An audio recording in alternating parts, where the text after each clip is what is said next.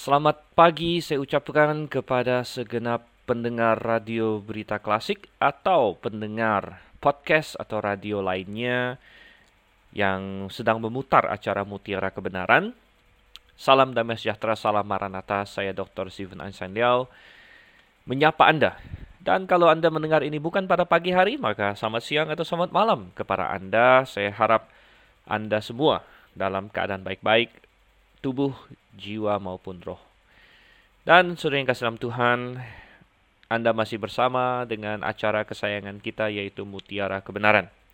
Dan dalam acara Mutiara Kebenaran ini kita sudah sampai dalam pembahasan Alkitab karena kita membahas Alkitab secara sistematis dari awal dari kejadian sampai Maliaki. Kita tidak sampai Wahyu karena perjanjian baru sudah dibahas oleh Dr. Suhento Liao dalam acara Through the Bible yang bisa Anda dapatkan melalui pelayanan Grafe, baik itu GBIA Grafe, Gereja Baptis Independen Alkitabiah Grafe ataupun Grafe International Theological Seminary, Anda bebas untuk uh, mendapatkannya. Anda bisa menghubungi kami melalui website ataupun uh, melalui mengunjungi kami di Sunter. Dan Bapak Ibu Saudara yang kasih Tuhan, kita sudah sampai di Yosua, kitab Yosua, kitab yang sangat indah, kitab yang menceritakan penggenapan janji Tuhan kepada bangsa Israel, kepada Abraham, uh, suatu kitab yang penuh dengan kemenangan, namun kemenangan yang bersama dengan Tuhan. Ada juga kekalahan di dalam kitab Yosua yang menggambarkan kekalahan ketika kita jauh dari Tuhan. Namun kita akan melihat itu pada waktunya nanti karena kita baru sampai di pasal yang kelima. Jadi coba kita buka Alkitab kita bersama di Yosua pasalnya yang kelima. Di dalam Yosua pasal 5 ini ada 15 ayat tidak terlalu panjang. Namun kita akan membahasnya hari ini. Kita akan karena ada banyak ada banyak hal kebenaran-kebenaran yang indah yang di dalamnya ya. Jadi saya harap Anda bisa membuka Alkitab bersama dengan saya. Sebelum kita langsung masuk, kita akan berdoa terlebih dahulu. Mari kita bersatu dalam doa. Bapa di surga, terima kasih Tuhan. Terima kasih. Sungguh terima kasih karena besar karuniamu di dalam segala sesuatu, di dalam keselamatan, di dalam penyertaanmu, di dalam pengudusan yang terus engkau kerjakan di dalam diri setiap orang yang percaya kepadamu. Terima kasih Tuhan, terima kasih untuk pertolongan dan perlindunganmu kepada tiap-tiap orang yang mengasihi engkau. Oh Tuhan, saat ini Tuhan kami ingin memakai waktu, waktu yang Engkau berikan pada kami, dalam hidup yang Engkau berikan pada kami ini. Kami ingin memakai waktu untuk merenungkan firman-Mu, belajar konsep-konsep kebenaran-kebenaran yang ada di dalamnya. Engkau yang kiranya tolong kami Tuhan. Tolong kami. Terangi hati dan pikiran kami. Kami berdoa dalam nama Yesus Kristus. Amin. Yosua pasalnya yang kelima dan ini melanjutkan pasal 3 dan pasal 4 kita ingat bahwa kitab ulangan, kitab terakhir di situ orang Israel berdiri di sebelah timur sungai Yordan mau siap untuk masuk kemudian sebelum masuk mereka diingatkan akan semua hukum Allah lalu kemudian Musa mati dan orang Israel diambil alih oleh Yosua sebagai pemimpin kemudian mereka di pasal 3 dan pasal 4 menyeberangi sungai Yordan. Itu adalah satu langkah yang luar biasa.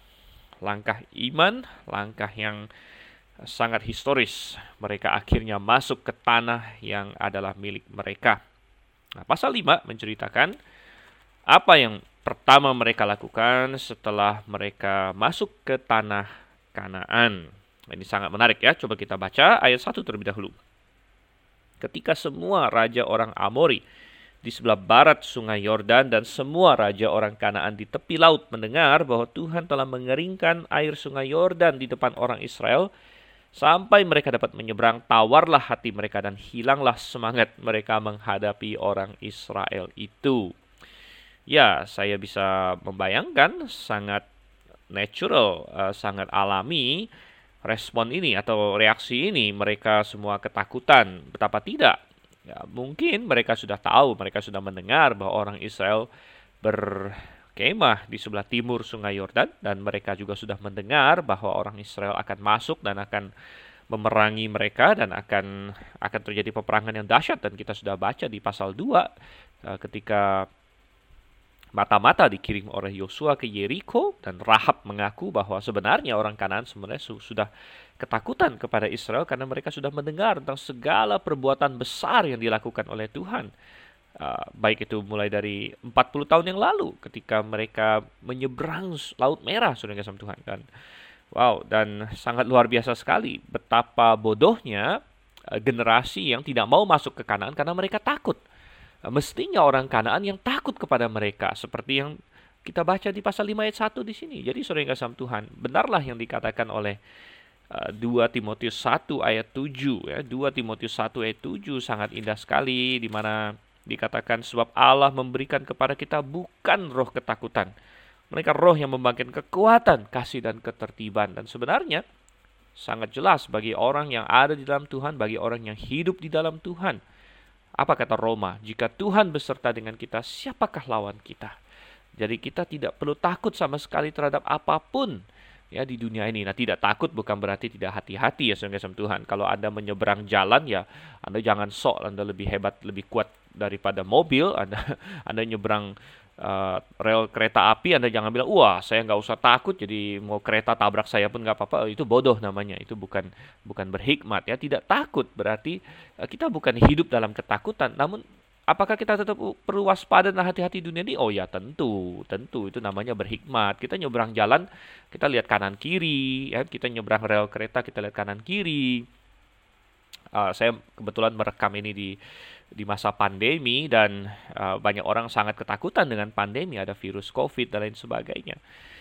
Ya dan uh, saya belajar saya juga belajar dari firman Tuhan bahwa kita tidak perlu takut sudah sama Tuhan. Nah, secara manusia kadang-kadang saya merasa juga wah bagaimana kalau saya kena covid? Bagaimana kalau ini lain sebagainya? Tapi setelah saya renungkan firman Tuhan dan lain sebagainya saya mendapatkan bahwa Tuhan tidak ingin kita hidup dalam ketakutan saudara.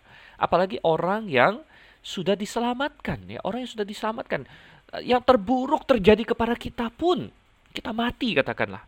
Ya, itu pun itu adalah Paulus katakan bagiku kematian adalah untung. Ya bukan berarti kita punya pikiran untuk mati tidak jauh daripada itu. Bukan kita orang yang cari mati orang Kristen bukan orang yang suicidal atau pengen bunuh diri lain sebagainya jauh daripada itu dan juga bukan berarti kita tidak waspada, saudara. Seperti saya kasih ilustrasi tadi, kita tentu sebagai orang Kristen tidak perlu setiap hari ketakutan.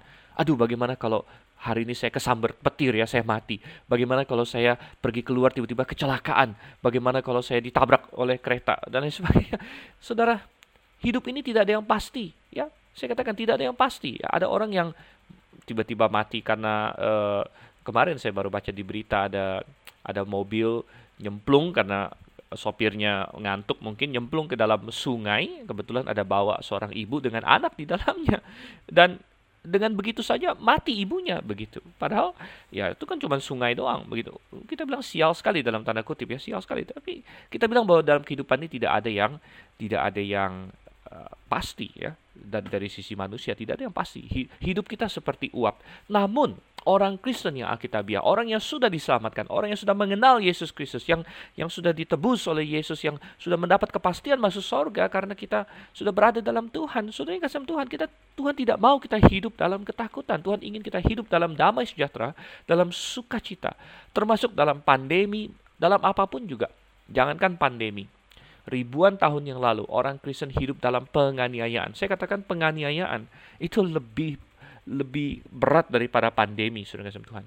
Kalau pandemi minimal semua orang kena, ya, ya tidak membeda-bedakan antara orang, ya. Tapi kalau misalnya dalam penganiayaan, bayangkan Anda dicari-cari, dikejar-kejar oleh tetangga Anda. Nah, waktu itu orang Kristen kalau ketangkap dikasih hadiah dan lain sebagainya. Dan Anda bisa dimatikan dengan cara yang sangat mengenaskan. Anda bisa disalib, Anda bisa di, dimasukkan ke dalam kolosium untuk bertarung melawan binatang buas, Anda bisa disiksa. Oh, saudara kasih Tuhan. Uh, kalaupun itu tidak terjadi, Anda disita uh, kekayaan Anda. Saudara, dan orang Kristen ribuan tahun yang lalu hidup di dalam penganiayaan. Namun apakah Tuhan ingin mereka kehilangan sukacita mereka? Tidak. Justru Tuhan ingin mereka bersukacita bahwa mereka telah memiliki hidup yang kekal, bahwa mereka uh, meninggalkan dunia ini. Oh, sudah kasih Tuhan. Saya khawatir bahwa begitu banyak orang Kristen hari ini, saking sudah nyamannya di dunia ini, saking sudah diberkati oleh Tuhan di dunia ini, memiliki materi, memiliki kenyamanan hidup, kita takut meninggalkan dunia ini, saudara. Dan kita banyak alasan. Alasan kita adalah uh, nanti kalau saya mati bagaimana dengan anak saya masih kecil? Bagaimana dengan cucu saya? Oh sudah nggak sama Tuhan. Itu yang menjadi alasan bagi generasi Israel yang yang yang menolak Tuhan. Mereka tidak mau masuk Kanaan. Mereka bilang, apakah engkau keluar untuk membawa kami mati? Bagaimana dengan anak-anak kami? Apakah mereka dibawa keluar dari Mesir untuk menjadi tawanan dan lain sebagainya? Tuhan bilang, hah generasi yang yang tidak beriman, angkatan yang yang bengkok hatinya. Tuhan murka dengan mereka dan Tuhan bilang justru anak-anak kalian yang kalian katakan akan jadi tawanan itu yang akan masuk ke dalam uh, tanah Kanaan. Ya, jadi Tuhan tidak ingin kita hidup dalam ketakutan saudara kasih Tuhan tidak ingin tidak ingin ya kita tahu bahwa segala sesuatu turut bekerja untuk kebaikan semua orang yang mengasihi Tuhan dan orang Kanaan yang mestinya takut seperti demikian kita baca kembali ke Yosua pasal 5 di sini. Orang Kanaan yang mestinya takut. Kenapa orang Israel mesti takut? Kalau Tuhan beserta dengan kita, siapakah lawan kita? Mungkin ketika orang-orang Kanaan, orang Yeriko misalnya, ya mereka tahu orang Israel akan menyerang, namun tadinya mereka berpikir ini kan lagi musim banjir. Ya, dan kalau kita baca lebih lanjut mereka merayakan Paskah berarti itu sekitar bulan Maret atau April musim semi. Dan itu adalah musim hujan akhir pada itu musim tuayan.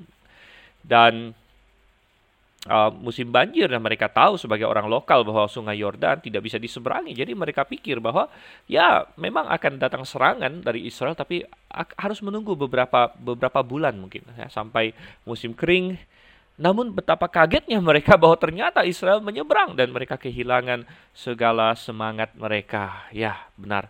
Dan betapa indahnya uh, kalau Tuhan bekerja mendahului kita. Tuhan sudah menjanjikan kepada Israel, aku akan berjalan mendahului engkau. Dan uh, bahkan menyeberang sungai Yordan pun caranya demikian. Tabut yang duluan jalan di depan.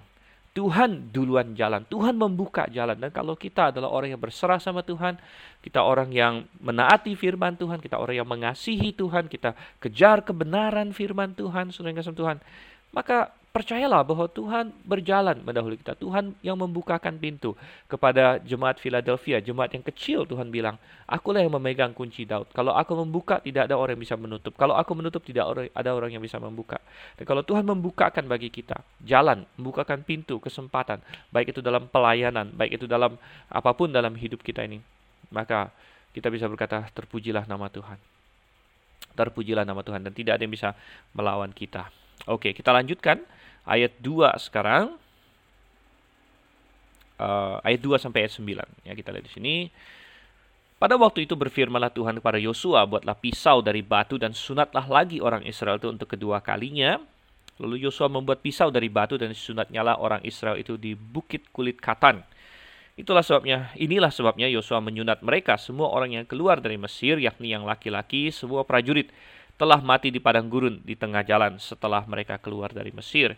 Sebab semua orang yang keluar dari Mesir itu telah bersunat, tetapi semua orang yang lahir di padang gurun dalam perjalanan sejak keluar dari Mesir belum disunat. Sebab 40 tahun lamanya orang Israel itu berjalan melalui padang gurun sampai habis mati seluruh bangsa itu, yakni prajurit yang keluar dari Mesir yang tidak mendengarkan firman Tuhan.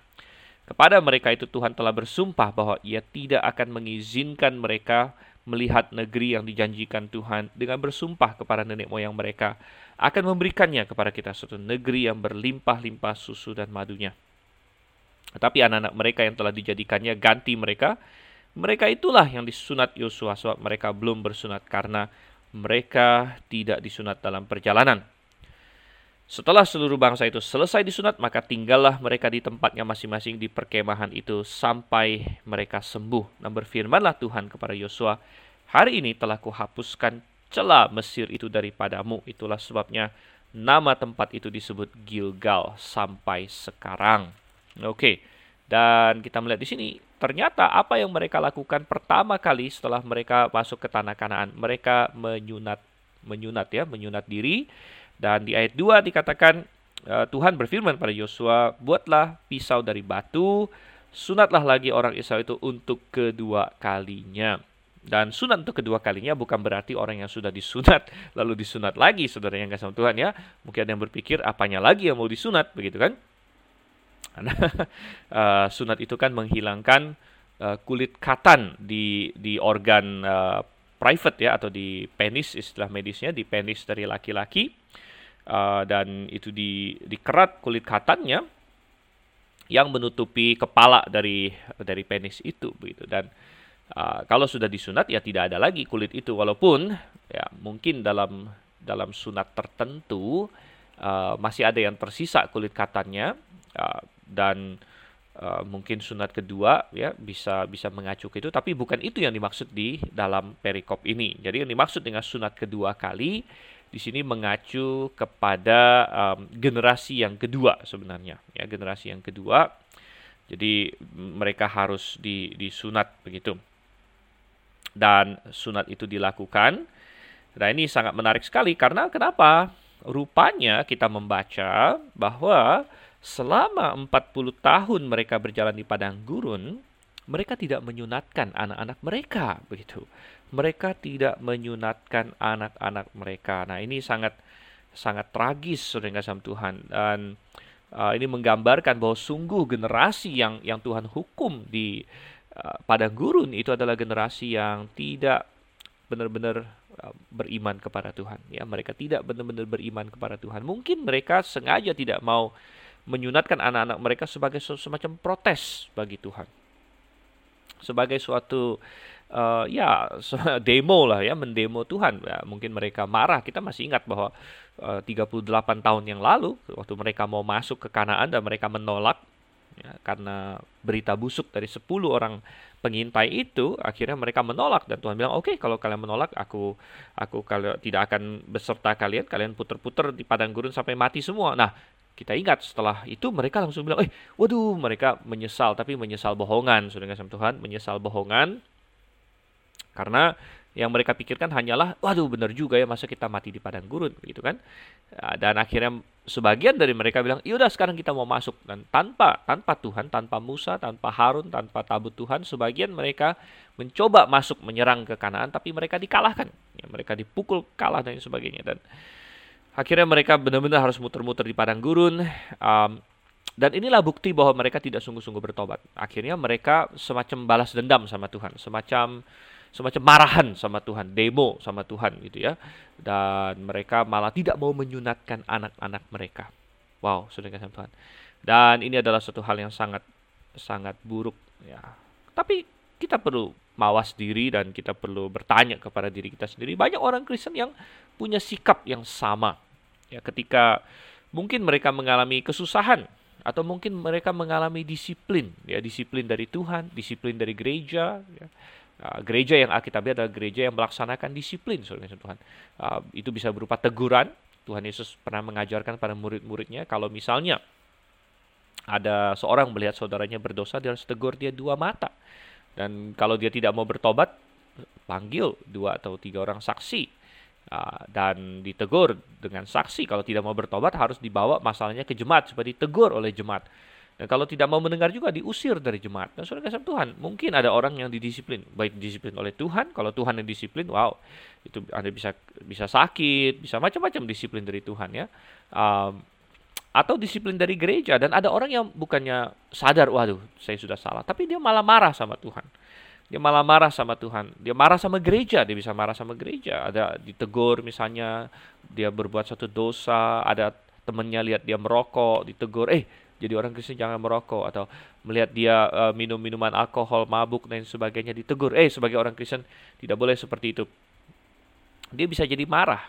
Ya, dan dia dia dia menunjukkan kemarahannya itu dia kayak demo ya. Seperti seperti orang Israel di sini. Malah tidak mau menyunatkan anaknya.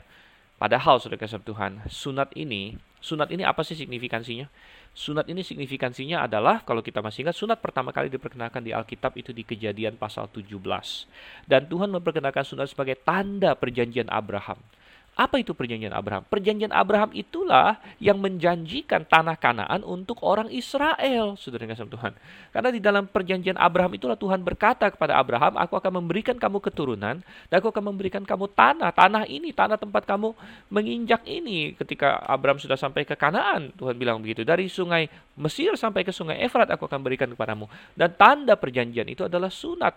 Jadi bayangkan orang-orang Israel ini, ya mereka tidak diizinkan Tuhan masuk ke Kanaan karena mereka memberontak sama Tuhan. Akhirnya mereka semacam protes sama Tuhan. Mereka tidak mau melakukan sunat.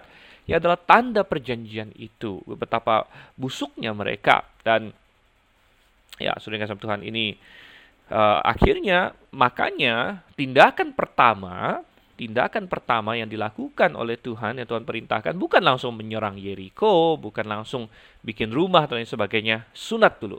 Nah, ini mengindikasikan bahwa mereka harus benar secara rohani dulu. Mereka harus benar hatinya, mereka harus mengembalikan ya hidup dan hati mereka ke jalan Tuhan. Barulah mereka bisa menikmati berkat-berkat Tuhan. Barulah mereka bisa mewarisi janji Abraham itu. Kalau mereka mau memenangkan seluruh Kanaan mereka mau mewarisi janji Tuhan mereka harus uh, melaksanakan bagian mereka. Mereka harus di sini disunat sebagai tanda perjanjian itu. Ya dan saudara kasih Tuhan Tadi kita sudah sudah pernah membahas ya bahwa menyeberang Sungai Yordan itu adalah gambaran keselamatan. Berada di tanah kanan adalah gambaran keselamatan dan Tuhan punya berkat-berkat yang begitu indah di dalam keselamatan. Berkat-berkat yang begitu indah, ada sukacita, ada damai sejahtera, ada hidup yang berkemenangan, ada penyertaan Tuhan, ada berkat-berkat jasmani Tuhan, berkat-berkat rohani Tuhan. Dalam keselamatan sangat indah sekali. Namun, saudara Tuhan, ya, kita perlu ikut Tuhan untuk menikmati berkat-berkat itu. Kita perlu e, melaksanakan perintah-perintah Tuhan untuk menikmati berkat itu. Nah, kita tidak diselamatkan karena kemampuan melakukan perintah Tuhan, diselamatkan karena kita percaya dan bertobat kepada Yesus Kristus. Namun, ada orang yang bisa dia diselamatkan namun hidupnya tidak menikmati berkat-berkat keselamatan, tidak menikmati berkat-berkat keselamatan karena dia dia hidup jauh dari Tuhan. Nah, Ya, jadi bagaikan orang Israel yang yang akhirnya digambarkan di tanah Kanaan, uh, sekalipun sudah masuk ke tanah Kanaan, tapi sengsara. Kadang-kadang dia kalah, ya dia dia dikalahkan oleh musuh dan sebagainya. Ya, itu orang yang ada di Kanaan tapi tidak ikut Tuhan. Ya, itu adalah orang yang mungkin sudah kenal Tuhan, namun dia jauh dari Tuhan. Dia dia ya, dia tidak mau taat sama firman Tuhan, gitu ya. Tidak. Ya, waktu karena itu hal pertama mereka lakukan di sini adalah sunat terlebih dahulu sunatnya dan kita melihat ya bahwa sunat itu kenapa Tuhan pakai sunat sebagai gambaran? Ya sunat itu kan tadi sudah kita singgung sedikit memotong kulit katan ya memotong kulit katan. Dan ada beberapa hal yang digambarkan di sini. Yang pertama adalah kita mematikan kedagingan kita. Jadi kulit katan adalah bagian dari daging dan kulit itu dikerat Ya, kata kerat dalam bahasa Indonesia ini sangat menarik ya karena sebenarnya berasal dari bahasa Ibrani, karat ya. Karat dalam bahasa Ibrani itu artinya memotong ya. Jadi mengerat ya. Jadi dikerat kulit katanya, dipotong kulit katanya dan uh, menariknya kalau orang Israel dalam bahasa Ibrani dikatakan membuat perjanjian, istilahnya adalah memotong perjanjian pakai kata kerat ini juga. Jadi memotong perjanjian, membuat perjanjian. Makanya Tuhan di kejadian pasal 17 membuat perjanjian atau memotong perjanjian dengan Abraham sama dengan memotong kulit katan atau mengerat kulit katan. Jadi ada bagian daging yang harus dihilangkan, menggambarkan bahwa ketika kita diselamatkan, kita tidak boleh mengikuti kedagingan kita. Kita harus menghilangkan kedagingan kita. Ya, karena Tuhan berkata bahwa keinginan daging berperang melawan keinginan roh. Apa itu keinginan daging? Ya, segala hawa nafsu kedagingan kita. Ketamakan, kerakusan, hawa nafsu seksual yang yang tidak benar, ya kan? Um, ya itu muncul dalam berbagai hal, kesombongan, ya macam-macam. Jadi uh, itu harus kita hilangkan, kita kerat ya, dari hidup kita. Ini melambangkan itu. Kemudian uh, sunat juga menggambarkan menjadi suatu umat yang berbeda, berbeda dari dunia. Jadi orang-orang Kanaan mereka eh, tidak bersunat, orang Mesir tidak bersunat, ya. dan orang Israel disuruh kamu harus berbeda, kamu harus berbeda. Um, oleh karena itu kita juga harus berbeda. Roma 12 dikatakan bahwa hendaklah apa uh, kita berubah ya hendaklah kamu berubah oleh pembaharuan budimu jika kamu tidak menjadi serupa dengan dunia ini ya karena lawan kita adalah pertama daging kita sendiri nomor dua adalah dunia jadi kita harus harus mengalahkan itu kita tidak boleh uh, sama dengan dunia Yakobus 4 ayat 4 tidak tahukah kamu ya, bahwa persahabatan dengan dunia adalah permusuhan dengan Allah jadi uh, suatu uh, pernyataan yang sangat tegas sekali. Kemudian sunat juga menarik karena sunat itu uh, adalah sesuatu yang um, transgenerasi. Artinya apa? Uh, di dalam Israel uh, sunat itu dilakukan pada saat bayi mestinya. Jadi orang tua melakukan pada anak. Ya, jadi ini menggambarkan bahwa iman itu harus diteruskan kepada generasi selanjutnya. Ya, jadi Uh, ini adalah gambaran-gambaran yang indah di dalam sunat. Nah, di dalam perjanjian baru, kita tidak perlu sunat lagi karena sunat adalah hanya gambaran. Oleh karena itu juga di dalam perjanjian lama, Tuhan sering mengeluhkan bahwa orang Israel ini cuma sunat luar doang yang yang tidak ada sunat hatinya. Artinya, tadi sudah kita bahas sunat itu kan menggambarkan kita berbeda dari dunia, kita mematikan daging dan lain sebagainya, kita beriman sama Tuhan. Namun pada kenyataannya banyak orang Israel yang bersunat namun tidak melakukan semua itu, tidak beriman sama Tuhan. Ya contohnya generasi yang pertama ini tadi, yang kita bilang generasi yang pertama yang yang Tuhan matikan di padang gurun kan. Ya, yang di ayat 7 dikatakan anak-anak mereka telah dijadikannya ganti mereka. Ya, jadi generasi pertama kan disunat. Tapi disunat tapi ternyata tidak beriman sama Tuhan dan dan menentang Tuhan terus sehingga Tuhan menggantikan mereka. Nah, ini juga suatu pelajaran yang indah bahwa tidak ada orang yang indispensable bagi Tuhan. Apa artinya? Tidak ada orang yang tidak tergantikan. Kadang-kadang kita kan manusia sombong bahwa uh, Tuhan perlu saya. Ini saya sudah berulang kali sebut ya. Banyak orang merasa Tuhan perlu dia. Tidak, Tuhan tidak perlu kita. Kita yang perlu Tuhan. Jangan salah ya. Kita yang perlu Tuhan. Kalau kita tidak mau dipakai oleh Tuhan, Tuhan pakai orang lain. Ada generasi yang tidak mau dipakai, oke okay, nggak masalah. Tuhan bilang, aku pakai generasi lain. Ya. Nah, jadi uh, generasi Tuhan Yesus juga Orang Yahudi menolak Tuhan Yesus. Padahal mestinya kalau mereka menerima, segera mereka masuk ke dalam milenium. Akhirnya apa yang terjadi? Mereka menolak, Yesus disalib dan sebagainya. Nah, itu memang dalam rencana Tuhan juga. Tapi akhirnya generasi itu ya binasa. Ya, bahkan berpuluh tahun kemudian Yerusalem dihancurkan oleh Romawi. Tapi Tuhan bukan berarti janji Tuhan gagal.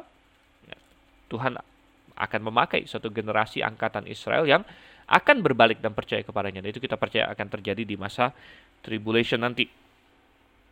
Oke, jadi kembali lagi tadi kita bilang bahwa uh, sunat itu kan ada gambarannya, ya, gambarannya. Nah, di dalam perjanjian baru ya, kita tidak lagi harus disunat, itu sangat jelas sekali, ya, sangat jelas sekali di dalam Galatia, uh, kitab Galatia, surat Galatia itu salah satu surat Paulus, dan di situ Paulus sedang melawan pengajar-pengajar sesat, ada pengajar-pengajar Yahudi yang mulai mempengaruhi orang-orang Galatia dengan dengan kacau dan uh, mereka mengatakan bahwa kalau kamu diselamatkan nggak cukup percaya Yesus, kamu harus menjadi orang Yahudi, kamu harus disunat. Nah intinya ini orang-orang yang terlalu berlebihan apa kesombongan Yahudinya. Jadi mereka tidak hanya ingin menjadikan orang Kristen tapi ingin menjadikan orang jadi Yahudi juga karena memang memang awal-awal kan Kristen itu semua Yahudi ya Kristen Yahudi. Jadi awal-awalnya kekristenan itu dianggap sebagai semacam salah satu aliran dalam Yudaisme, dalam keyahudian gitu. Inilah Yahudi yang benar gitu kan. Yahudi yang benar itu Yahudi yang percaya Yesus gitu. Nah, tetapi kebanyak banyak orang masih salah salah konsep waktu itu dipikir bahwa kalau kamu mau, mau jadi Kristen kamu harus jadi Yahudi juga. Padahal Tuhan tidak. Tuhan berkata tidak ya. Dan akhirnya melalui Paulus dan melalui rasul-rasul lain Tuhan menunjukkan bahwa dia menerima semua bangsa tidak harus jadi Yahudi untuk menjadi orang Kristen. Dan Paulus dengan sangat tegas di Galatia dikatakan eh sunat bukan syarat keselamatan. Bahkan kalau kamu menyunat diri untuk keselamatan kamu lepas dari Kristus katanya. Di Galatia pasal 5 di situ kan? Galatia 5 ayat 2 sesungguhnya aku Paulus berkata kepadamu jikalau kamu menyunatkan dirimu Kristus sama sekali tidak akan berguna bagi kamu. Bukan berarti kita tidak boleh sunat saudara. Kalau kita sunat untuk kesehatan silakan ya dan ada berbagai indikasi untuk sunat ada orang yang uh, kemaluan laki-lakinya dia nempel atau melekat begitu lubangnya kecil jadi dia perlu disunat ya. nah, atau ada orang yang ingin disunat karena untuk lebih bersih ya silakan tapi kalau anda disunat untuk mendapatkan keselamatan artinya anda tidak bergantung sepenuhnya pada Kristus anda lepas dari Kristus Paulus bilang. Ya, jadi sangat tegas sekali. Jadi hari ini kita boleh sunat, uh, boleh sunat fisik, ya, boleh juga tidak sunat fisik itu tidak masalah. Yang penting adalah sunat hati. Nah, jadi itu di, dikaitkan di dalam ini ya, Kolose 2. Coba kita buka Kolose pasal 2 ayat 11. Setiap orang yang sudah percaya Yesus sebenarnya sudah disunat secara rohani. Jadi kita tidak perlu lagi sunat fisik. Bukan nggak boleh, kalau untuk kesehatan silakan sunat rohani sudah kita miliki di dalam Yesus Kristus. Uh, saya bacakan Kolose 2 ayat 11. Dalam dia kamu telah disunat, bukan dengan sunat yang dilakukan oleh manusia, tapi dengan sunat Kristus yang terdiri dari penanggalan akan tubuh yang berdosa. Jadi kapan kita disunat? Ketika dosa kita diselesaikan oleh Yesus Kristus, ketika kita percaya kepadanya kan? Karena dengan dia kamu dikuburkan dalam baptisan, dan di dalam dia kamu turut dibangkitkan juga oleh kepercayaanmu kepada kerja kuasa Allah yang telah membangkitkan dia dari orang mati. Kamu pun meskipun dahulu mati oleh pelanggaranmu dan oleh karena tidak disunat secara lahiriah, telah dihidupkan Allah bersama-sama dengan dia sesudah ia mengampuni segala pelanggaran kita. Oke, jadi uh, jelas sekali. Dan tetapi ada ada sedikit masalah doktrinal yang ingin saya tekankan di sini karena sebagian orang memakai ayat ini untuk berkata dan sebagian gereja hari ini mengajarkan uh, sunat hari ini diganti dengan baptisan. Katanya sunat diganti dengan baptisan. Kita bilang uh, tidak tidak begitu juga sebenarnya ya bukan bukan demikian walaupun sunat ada hubungannya dengan baptisan. Jadi mereka sering memakai sini ayat ayat 11 kan sunat. Ayat 12 baptisan, kamu telah dikuburkan dalam baptisan. Dalam dia juga kamu telah turut dibangkitkan ya. Dan uh, hubungan sunat dengan baptisan yang alkitabiah apa? Hubungan sunat dengan baptisan adalah sama-sama simbol. Sama-sama simbol kita masuk ke dalam umat Allah, gitu kan? Kalau di zaman perjanjian lama sunat ya ketika seorang bayi lahir dia kan jadi orang Israel karena bapak ibunya orang Israel kan. Tentu ketika dia lahir dia jadi orang Israel dia disunat sebagai tanda dia masuk ke dalam umat Tuhan. Nah, baptisan juga adalah tanda ya tanda jadi tanda eksternal, dua tanda eksternal, sunat tanda eksternal, baptisan tanda eksternal. Yang kalau tidak ada realita internalnya, maka sama juga bohong. Ya seperti tadi sudah kita bahas, orang bisa disunat fisik, tapi hatinya jauh dari Tuhan. Ya Tuhan tidak berkenan juga. Orang bisa saja dibaptis air, dibaptis secara fisik, tapi kalau hatinya nggak benar, ya tidak sungguh-sungguh diselamatkan, Tuhan juga tidak berkenan. Gitu. Jadi itu hubungan sunat dengan baptisan sama-sama adalah simbol eksternal, menyimbolkan atau mengumumkan saya adalah bagian dari umat Tuhan. Ya, saya bagian dari umat Tuhan. Umat Tuhan adalah Israel di zaman PL dan di zaman perjanjian baru saya orang yang diselamatkan dan bergabung dengan suatu jemaat dengan baptisan di situ. Namun ada orang yang salah. Salah karena e, mereka adalah pembaptis bayi. Jadi pembaptis bayi kadang-kadang memakai argumen uh, kenapa mereka membaptis bayi? Ya, mereka berargumen, loh orang Israel saja bayinya disunat katanya. Dan karena sunat sama dengan baptisan dalam otak mereka ya atau dalam dalam argumen mereka maka bayi juga bisa dibaptis. Ya namun ini adalah argumen yang kacau sekali kacau sekali ya kacau sekali. Mengapa? Karena bertentangan dengan firman Tuhan dan juga segala macam yang lain. Tadi kita sudah bilang bahwa sunat walaupun ada kemiripan dengan baptisan yaitu sama-sama tanda namun berbeda tidak tidak bukan paralel langsung begitu ya. Uh, sebagai contoh misalnya sunat kan dilakukan kepada laki-laki saja. Wanita tidak disunat perempuan tidak disunat ya. Sedangkan baptisan baik laki-laki maupun perempuan dibaptis. Begitu. Dan lagi pula kita bilang bahwa jelas sekali dalam Alkitab baptisan itu hanya untuk orang yang diselamatkan. Karena berbeda dulu, dulu di PL umat Tuhan itu Israel. Israel itu suatu negara. Jadi lahir langsung jadi warga negara dan itu memakai sistem sacral society atau masyarakat kudus. Semua orang Israel dianggap sebagai umat Tuhan. Sedangkan dalam perjanjian baru sekarang uh, Tuhan memakai organisasi yang namanya jemaat atau eklesia. Nah, eklesia tidak bergabung dengan negara. Dan kewargaan di dalam eklesia atau menjadi anggota jemaat adalah sesuatu yang volunteer, sukarela berdasarkan pengakuan iman. Oleh karena itu bayi belum bisa mengaku iman. Oleh karena itu dalam kisah Rasul 8 ayat 37, waktu Filipus menginjili sida-sida dan sida-sida menjadi percaya, sida-sida bertanya, sida-sida dari Ethiopia, lihat ada air, apa halangannya jika aku dibaptis? Dan Filipus menjawab, kalau Tuhan percaya dengan segenap hati, boleh katanya. Jadi itu syarat baptisan. Jika Tuhan percaya dengan segenap hati, boleh. Dan kalau kita kembali ke Kolose 2 ayat 11, 12 dan 13 yang sering kali dikaitkan antara sunat dengan baptisan di sini justru sangat jelas bahwa baptisan hanya boleh dilakukan oleh orang yang sudah diselamatkan. Misalnya saya baca ayat 12. Karena dengan dia kamu dikuburkan dalam baptisan dan di dalam dia kamu juga turut dibangkitkan oleh kepercayaanmu. Jadi orang yang dibaptis adalah orang yang percaya, sudah. Oleh kepercayaanmu kepada kerja kuasa Allah yang telah membangkitkan dia dari antara orang mati. Jadi sangat jelas sekali bahwa sunat rohani ya terjadi pada saat orang percaya dan kemudian orang yang percaya itu dia uh, sunat rohani kan nggak kelihatan. Nah yang kelihatan dari luar apa? Simbol luarnya baptisan. Baptisan menyimbolkan mati bersama Kristus turut dibangkitkan oleh kepercayaanmu dan itu berarti kita sudah percaya kepada Yesus Kristus. Jadi sangat jelas sekali, saya harap Anda bisa membantah dan uh, terlepas dari suatu kesalahan yang luar biasa yaitu baptisan bayi. Kembali ke dalam Yosua pasal yang kelima di sini. Uh, dan sangat menarik sekali satu hal lagi uh, di ayatnya yang ke-8 dikatakan setelah seluruh bangsa itu selesai disunat maka tinggallah mereka di tempatnya masing-masing di perkemahan itu sampai mereka sembuh ya. Dan ketika orang disunat uh, perlu waktu untuk penyembuhan ya. saya sendiri pernah disunat ya, saya sendiri sudah sudah disunat um, waktu saya masih umur belasan lah. Um, ya. Tetapi saya sendiri pernah menyunat orang juga karena saya uh, belajar kedokteran.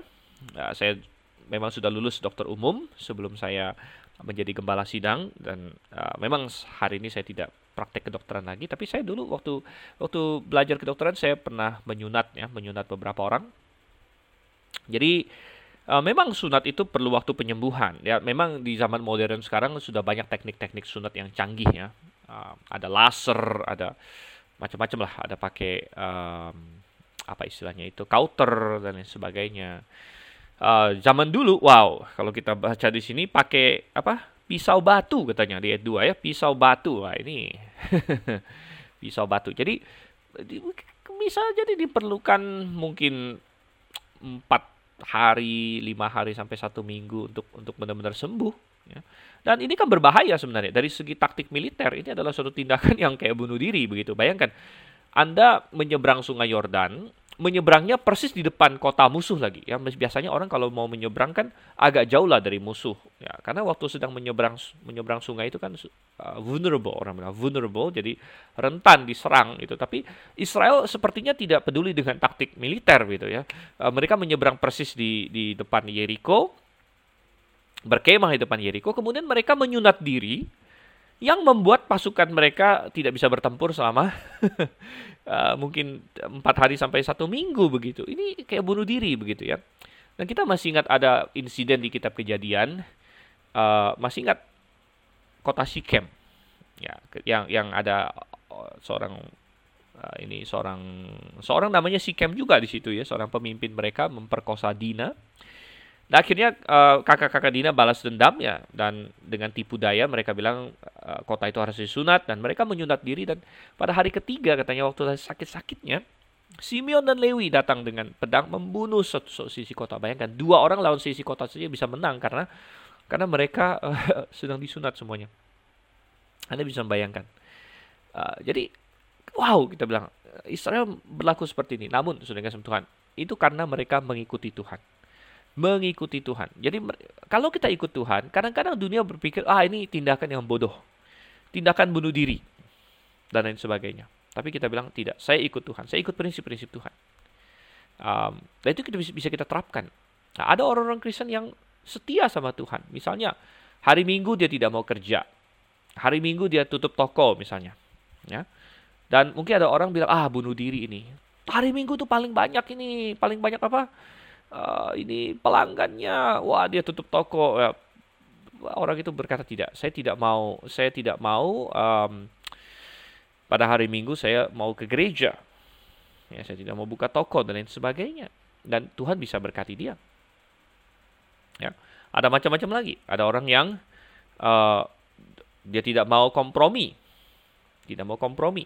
Um, Uh, misalnya di di pemerintahan atau di swasta atau di ketentaraan atau lain sebagainya. Kadang-kadang untuk naik pangkat ya ada kompromi-kompromi yang dituntut. Ya saya masih ingat pernah saya ngomong dengan satu orang dosen waktu itu. Saya punya dosen um, dan saya dengar ini saya dengar cerita dari dari kakak-kakak kelas waktu itu bahwa dosen itu um, akhirnya dia masuk Islam dan langsung uh, dia dia pindah agama gitu ya dan dan dia langsung dari dari Kristen pindah agama lain langsung di, dinaikkan jadi kepala bagian. Wow, wah ini dan dan tapi ada yang tidak mau, ada yang tidak mau ya. Dan mungkin dikata wah ini uh, bunuh diri, bunuh diri karir gitu lain sebagainya ya. Uh, tapi kita bilang tidak, kita ikut Tuhan ya, apa pun harganya dengan keyakinan bahwa yang ikut Tuhan ujung-ujungnya akan lebih baik, lebih bahagia di dunia ini apalagi di akhirat apalagi di sorga nanti. Jadi uh, Israel ya nggak masalah ya di depan Yeriko mereka disunat ya Tuhan melindungi Tuhan akan melindungi. Ya, jadi ini yang menjadi uh, pedoman kita. Ayat 9 dan berfirmanlah Tuhan kepada Yosua Hari ini telah kuhapuskan celah Mesir itu daripadamu, itulah sebabnya nama itu disebut Gilgal sampai sekarang. Jadi mencela Mesir ya dan Mesir kan banyak mencela Israel. Uh, Mesir pernah berkata uh, atau atau ditakutkan berkata bahwa Tuhan membawa Israel keluar dari Mesir hanya untuk membunuh mereka di padang gurun. Artinya tidak mampu membawa mereka masuk Kanaan. Tetapi pada hari itu mereka masuk Kanaan, Tuhan bilang, aku sudah menghapuskan celah Mesir. Dan di Mesir mereka bagaikan uh, orang yang tidak punya tempat, tidak punya rumah, mereka menjadi budak, menjadi pendatang, namun sekarang mereka sudah kembali lagi ke rumah mereka, ke tanah yang menjadi milik mereka. Jadi menghapuskan. Kata menghapuskan di sini secara literal adalah menggulingkan pergi ya. Jadi menghapus menggulingkan pergi. Nah, itu arti dari Gilgal. Gilgal artinya menggulingkan. Nah, jadi akhirnya nama itu disebut Gilgal katanya ya. Oke, kita lanjut lagi ayat 10 sampai dengan ayat yang ke-12. Sementara berkemah di Gilgal, orang Israel itu merayakan Paskah pada hari yang ke-14 bulan itu pada waktu petang di dataran Yeriko. Lalu pada hari sesudah Paskah, mereka makan hasil negeri itu, yakni roti yang tidak beragi dan bertih gandum pada hari itu juga. Lalu berhentilah mana itu pada keesokan harinya setelah mereka makan hasil negeri itu. Jadi orang Israel tidak beroleh mana lagi, tetapi dalam tahun itu mereka makan yang dihasilkan tanah Kanaan. Hal kedua yang mereka lakukan di Gilgal adalah mereka merayakan Paskah. Jadi pertama disunat, kedua merayakan Paskah dan dua-duanya adalah persiapan rohani, Saudara kasih Tuhan. Jadi sekali lagi sebelum peperangan rohani lakukan persiapan rohani. Sebelum uh, siap untuk mewarisi berkat-berkat janji-janji Tuhan, mendapatkan menikmati janji-janji Tuhan, harus ada persiapan rohani, harus ada pembenaran rohani ya, di, di, dibereskan secara rohani. Sunat sudah dilakukan dan kemudian mereka melakukan paskah. Dan melakukan paskah ini tentu adalah sesuai dengan firman Tuhan. Jadi setiap tanggal 14 Nisan, Nisan adalah bulan pertama bagi orang Yahudi, sekitar bulan Maret atau April di kalender kita. Mereka harus merayakan paskah. Dan sekali lagi dari segi militer mungkin ini hal yang aneh, berkemah di depan musuh malah makan-makan, malah pesta, malah malah sunat dan lain sebagainya. Namun lebih penting untuk mengikuti perintah Tuhan bahkan persiapan rohani lebih penting daripada persiapan militer. Ya, persiapan rohani lebih penting daripada persiapan militer dan um, saya teringat ya Tuhan Yesus uh, ketika di Taman Getsemani dia suruh murid-muridnya berdoa ya dan dia dapatkan ya tiga murid yang terdekat dia Yohanes Yakobus Petrus ketiduran. Tuhan bilang, "Kenapa kalian tidak berjaga-jaga berdoa? Doalah supaya kamu jangan jatuh dalam pencobaan." Nah, tapi mereka tidak berdoa. Ya, mereka secara militer mungkin siap bahkan ya sudah bawa pedang dan sebagainya bahkan kita ingat ketika Tuhan Yesus ditangkap Petrus cabut pedang dia dia sikat itu uh, apa hamba imam besar mungkin dia incar lehernya kena telinganya tapi apakah itu membantu sama sekali tidak tidak membantu ya, malah belakangan uh, Petrus yang sok sok berani sekali, wow cabut pedang segala macam, eh ditanya oleh seorang hamba perempuan ketakutan, menyangkal Yesus. Jadi tidak siap secara rohani. Persiapan rohani jauh lebih penting daripada persiapan yang lain. Dan kita lihat di sini uh, mereka merayakan Paskah, ya, merayakan Paskah dan mereka pada hari setelah Paskah mulai makan gandum yang dihasilkan di negeri itu dan Alkitab berkata berhentilah mana ya berhentilah mana mana sudah mengikuti orang Israel sekitar 40 tahun di padang gurun uh, mana ini roti dari sorga juga adalah lambang Tuhan Yesus. Ya, di Yohanes pasal 6, Yesus berkata, Akulah roti yang turun dari sorga. Jadi waktu itu orang Israel, uh, ini ya, orang-orang Yahudi, mereka uh, seperti menantang Tuhan Yesus. Mereka bilang, nenek moyang kami makan mana di padang gurun. Ya, kamu baru kasih makan 5.000 orang dengan lima roti dan dua ikan. Tapi Yesus bilang, ya bukan Musa yang kasih kamu mana, Bapakku yang kasih kamu mana. Gitu. Dan akulah sebenarnya roti hidup, akulah roti yang turun dari surga. Jadi mana melambangkan Yesus Kristus.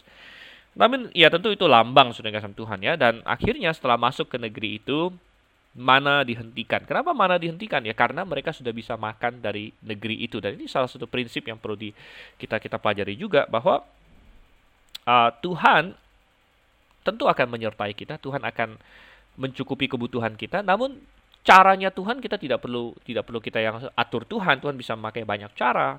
Ya. Uh, di padang gurun mereka perlu perlu daging, ya Tuhan bilang, oke okay, aku akan kasih kamu daging satu bulan. Sampai Musa bingung, Tuhan, uh, sapi dari mana kita bisa makan daging satu bulan? Tuhan bilang, eh jangan meragukan saya begitu ya. Akhirnya Tuhan pakai apa? Burung puyuh. Wah luar biasa ya. Jadi um, Tuhan kasih mana, tapi kita tidak perlu atur Tuhan. Tuhan bisa pakai banyak cara dan Tuhan ingin kita apa?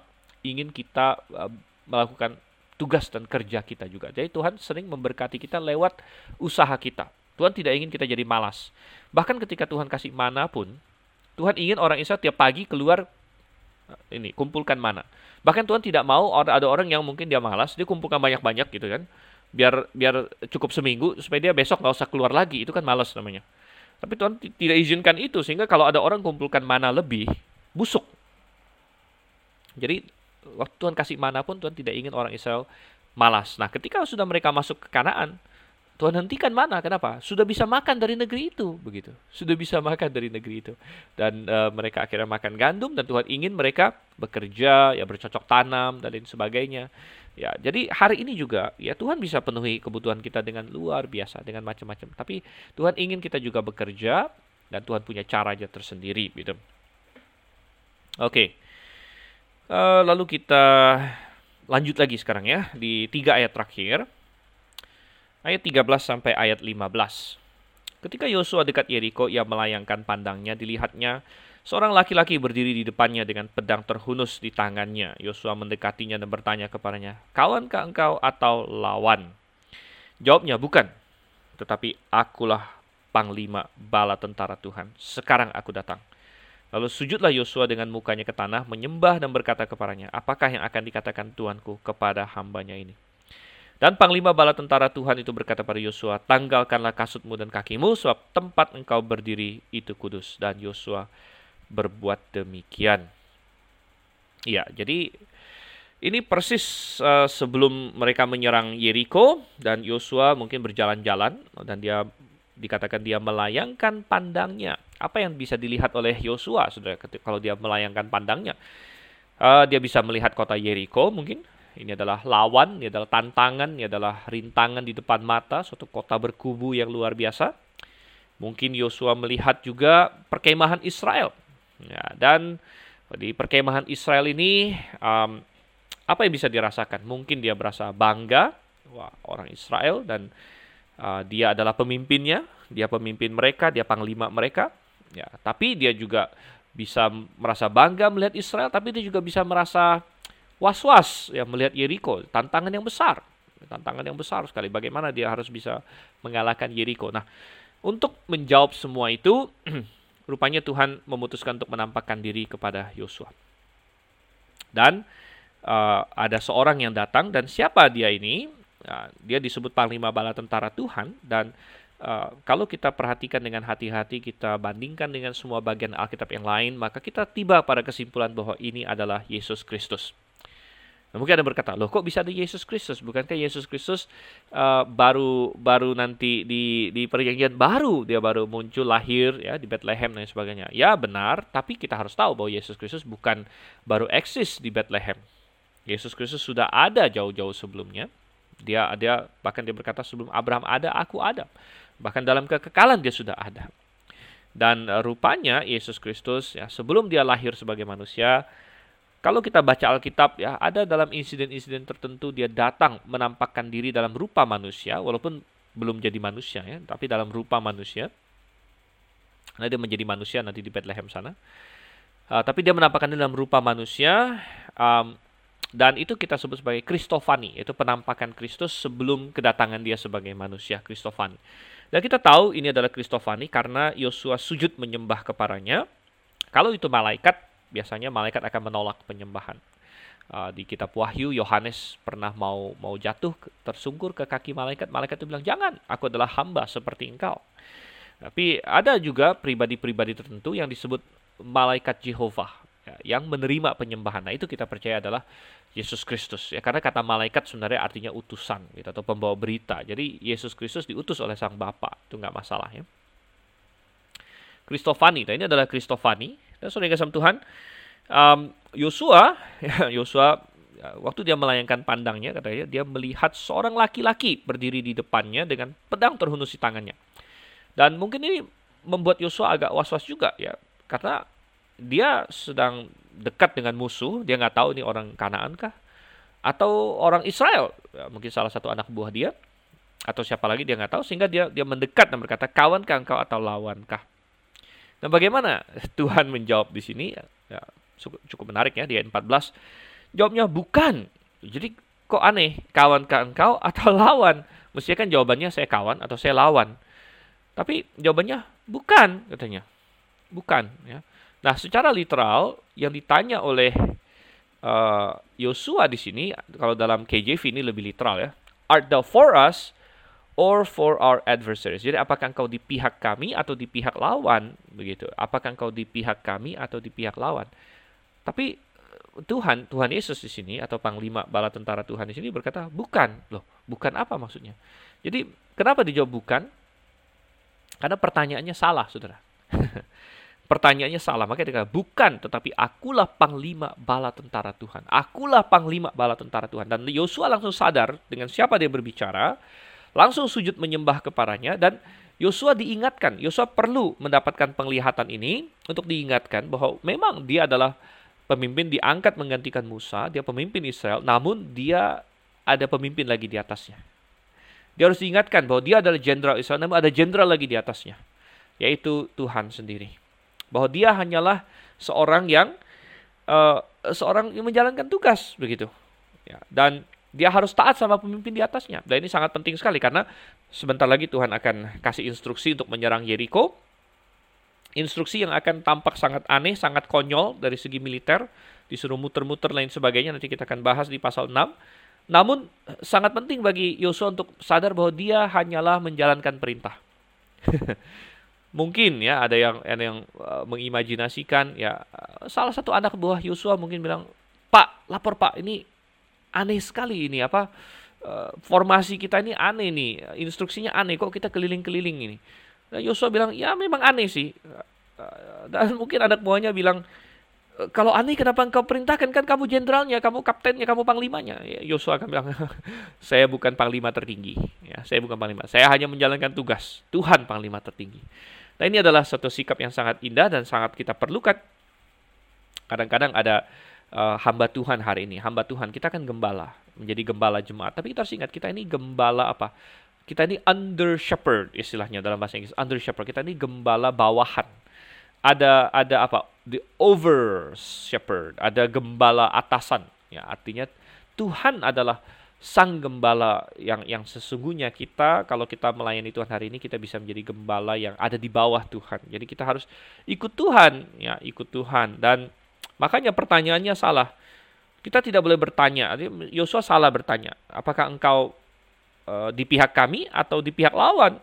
Yosua bertanya. Mestinya bukan itu pertanyaannya. Mestinya bertanya Yosua di pihak Tuhan atau tidak gitu. Bukan kita bertanya apakah Tuhan di pihak saya, tapi apakah saya di pihak Tuhan. Nah, ini pertanyaan yang benar. Jadi hari ini baiklah kita bertanya apakah saya, apakah kita di pihak Tuhan, bukan kita bertanya apakah Tuhan di pihak saya. Sebenarnya Tuhan sudah berjanji bahwa Dia ada di pihak orang yang yang yang, yang berseru kepadanya, Dia ada di pihak orang yang yang mengasihi Dia. Jadi pertanyaannya apakah kita di pihak Tuhan? Bukan pertanyaannya apakah Tuhan di pihak kita. Dan Yosua di sini mendapatkan um, semacam apa ya? Uh, seperti Musa waktu dia dipanggil pertama kali di Gunung Sinai, Tuhan bilang, tanggalkan kasutmu tempat ini tempat kudusan. Yosua mendapatkan uh, semacam peresmian yang sama. Tuhan uh, memanggil dia, oke okay, Yosua, kamu sudah menyeberang sungai Yordan, kamu sudah di Kanaan, sekarang kamu akan berperang dan memenangkan Kanaan bagi orang Israel.